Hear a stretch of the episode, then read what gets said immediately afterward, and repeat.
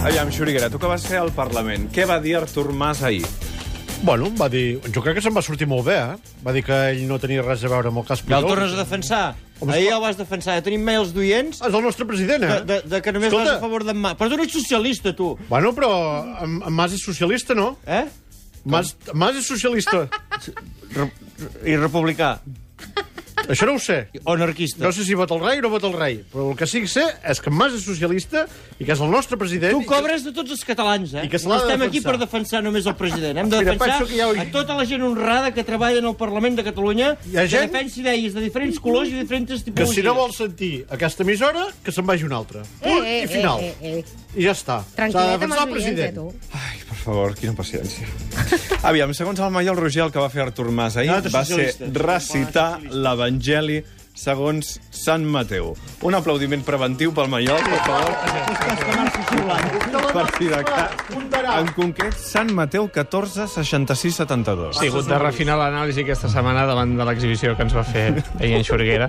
I eh, aleshores he, de- he anat a agafar aquest, eh, aquest tros de l'Evangeli segons Sant Mateu, que per si no us, us el sabeu de memòria, cosa que, que em, sembla, em semblaria estrany, di, diu així, diu, mentrestant Pere s'estava assegut a fora al pati i se li va acostar una criada que li va dir tu també anaves amb Jesús al Galileu.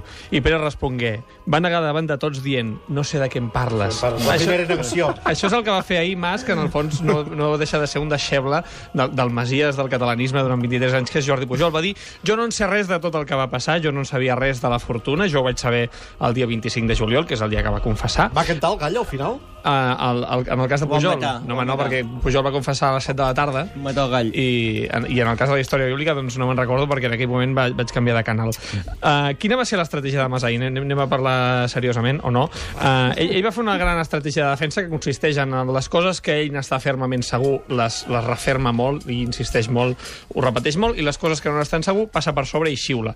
Fem un exemple, parlant del compte dels seus pares a Liechtenstein, mm. no? És, és un compte eh, en un paradís fiscal que no es va regularitzar fins al 2008, del qual, fins al 2008, del qual ell n'era beneficiari. Ell que diu?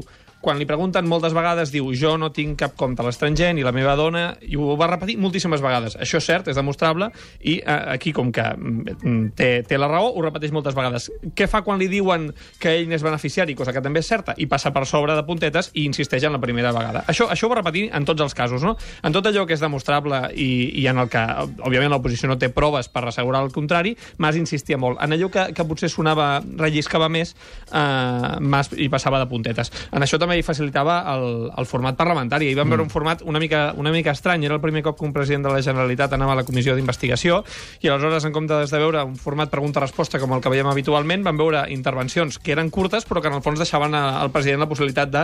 Eh, no va dir escapar-se de rosites, no sé com es diu en català. Eh, D'escapolir-se. Escapolir-se, exacte. De rosetes. De De, de, rosetes. sí, de floretes. Uh, escapolir-se de les preguntes incòmodes. No? Quina era l'estratègia de l'oposició? Era implicar Mas en tots els casos de, de corrupció que han afectat Convergència. És clar, Mas té diferents implicacions. No és el mateix el seu paper als mm. governs de Pujol, com comentàvem l'altre dia, que el seu paper quan ell ha sigut el màxim responsable.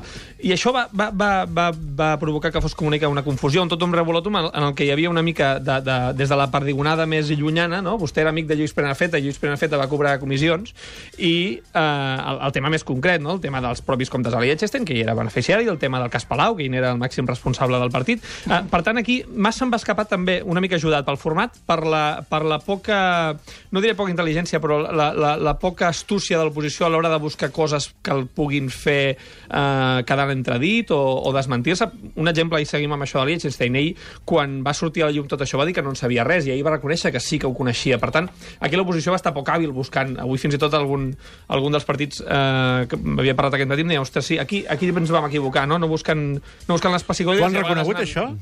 Sí, han reconegut, però això ve rècord, no... no... Uh, i, uh, i uh, el, el anar a buscar el anar a buscar-lo i no trobar-lo, en això Mas es va escapolir. Uh, ràpidament per partits, no? Que Esquerra, que tenia un paper difícil perquè és aquesta doble condició de Dr. Jekyll i Mr. Hyde, va treballar-ho bé, uh, Oriol Amorós va estar, va estar contundent en les preguntes, però no va furgar en aquells temes que poden afectar més Mas. No? On s'hi va anar i va ser el PSC, Miquel Iceta va estar molt concret, que és el format de la comissió d'investigació el que exigeix. Sí. Uh, el PP, ho comentarem, tot i que no hauria d'entrar a la secció de política, va estar bastant pornogràfic. Cridava. Uh, sí, va ser, va ser, i a més va ser impúdic en un partit afectat per la corrupció. Uh, uh, mira, escoltem el que va dir Alicia Sánchez Camacho. Para tener un presidente que no se entere de nada, ya le habíamos pedido la dimisión, pero ahora por dignidad frente a esa incompetencia se la volvemos a pedir. I ara us proposo un experiment. I és, tornem a escoltar Alicia Sánchez Camacho, però imaginem-nos que davant tenim Mariano Rajoy, que ha dit milers de vegades que ell no sabia el que feia Luis Bárcenas amb els diners del partit. Para tener un presidente que no se entere de nada, ya le habíamos pedido la dimisión, pero ahora por dignidad frente a esa incompetencia se la volvemos a pedir. Per tant, Sí, eh, el, el, el, gran el titular és. Alicia Sánchez Camacho demana, demana a Rajoy que dimiteixi per dignitat. Uh, sorprenentment, Ciutadans, Albert Rivera no va estar tan dur, sí que va buscar el titular espanyol i aquest, aquest to efectista que té, però, però va estar homologable a la resta de l'oposició, igual que, que Iniciativa, que, que com sempre va ser un dels partits més combatius, però amb el to correcte que s'espera d'una intervenció d'aquest tipus. La, la conclusió principal és que les comissions d'investigacions no serveixen de res, però això no és veritat. No serveix de res un acte com ahir, en el que a Mas se li exigeixen respostes que ja ha donat moltes vegades, perquè són de temes que s'han parlat en cada sessió de control, en cada roda de premsa, són temes que el president ja ha respost. Això és el primer que va dir ell quan va intervenir ahir, eh? És, és cert, i, Sobre i era, això ha era, part de la seva, 21 era, era part de la seva defensa. I moltes coses són repetides. Diuen, el president no ha aclarit res. És que hi ha coses que fins que no, un jutge no digui té raó el president o té raó l'oposició, no es demostraran, no sé que hi hagi proves. Ahir, coses noves que vam tenir, el tema de Liechtenstein, no? però, però en el fons mm, el que vam tenir de nou van ser les explicacions del president. Ja se sabia tot aquest cas.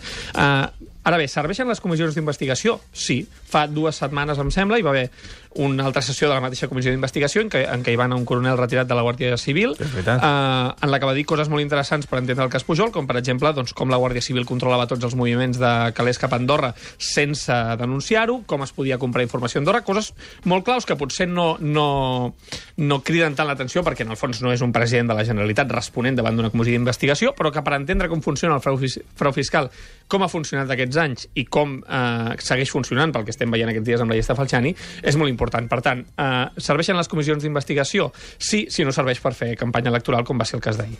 I en el cas d'Artur Mas, en surt reforçat, debilitat, o es queda igual? Jo crec que és d'aquells típics empats en el que, en el, que el, partit, el, el, el partit que hi anava més a contracor surt, i surt guanyant, no? Uh, no sé per això si la intervenció de Meritxell Borràs, la diputada de Convergència, uh, va beneficiar-lo o no, perquè va estar molt dura amb l'oposició, fins i tot un punt desagradable, una mica uh, no arribant al nivell d'Alicia Sánchez Camacho, però uh, tornant més agre al to de la comissió, i realment amb, amb, amb lo bé que se'n va sortir el president en el sentit que repetim, no va, no va aclarir cap dubte, però alhora tampoc va aconseguir ser posat en entredit per l'oposició. Eh, una mica aquell to de, de, la, de la diputada Meritxell Borràs, parlant en termes pujolistes, no tocava. Dos minuts perquè m'expliquis, per favor, què és la llei de Fernando Pessoa. És que Fernando Pessoa, el poeta portuguès, tenia una gran frase, parafrasejant un refrany que diu no facis avui el que puguis deixar de fer demà. I això és el que ha fet Catalunya amb la llei electoral, que portem 35 anys intentant aprovar-la i ara es vol aprovar en 6 mesos. Això no és nou. que Una mica que cada mig any abans d'eleccions s'intenten posar d'acord Sí. sí. amb la llei electoral i no ho aconsegueixen. Uh, aquest divendres hi ha reunió de la ponència, divendres passat es va una mica... Uh, els partits es van posar d'acord per intentar fer-ho, però porten intentant-ho durant 35 anys. No? Qui- Quin, quin és el principal problema de la llei electoral? Bàsicament, que quan Que es deixi... tothom hi vol sortir guanyant. Exacte, quan es, decideixin, quan es decideixin com es reparteixen els vots, uns sortiran guanyant o, o, i uns altres hi sortiran perdent. De fet, és la principal divisió. Sempre s'han trobat acords eh, en el repartiment de la publicitat electoral, que aquí hi ha una discussió perquè penseu que enviar els sobrets amb els partits eh, val un milió d'euros i ara mateix cada partit es gasta el seu milió d'euros en comptes de fer una tramesa única, que seria una cosa lògica. Les llistes obertes o tancades. Eh, Tot això, al final s'arriba a un acord. On està... Eh, eh, on s'encallen? On si el vot d'un senyor de Lleida val més que el vot d'un senyor de Com Barcelona. repartim els escons. Exacte.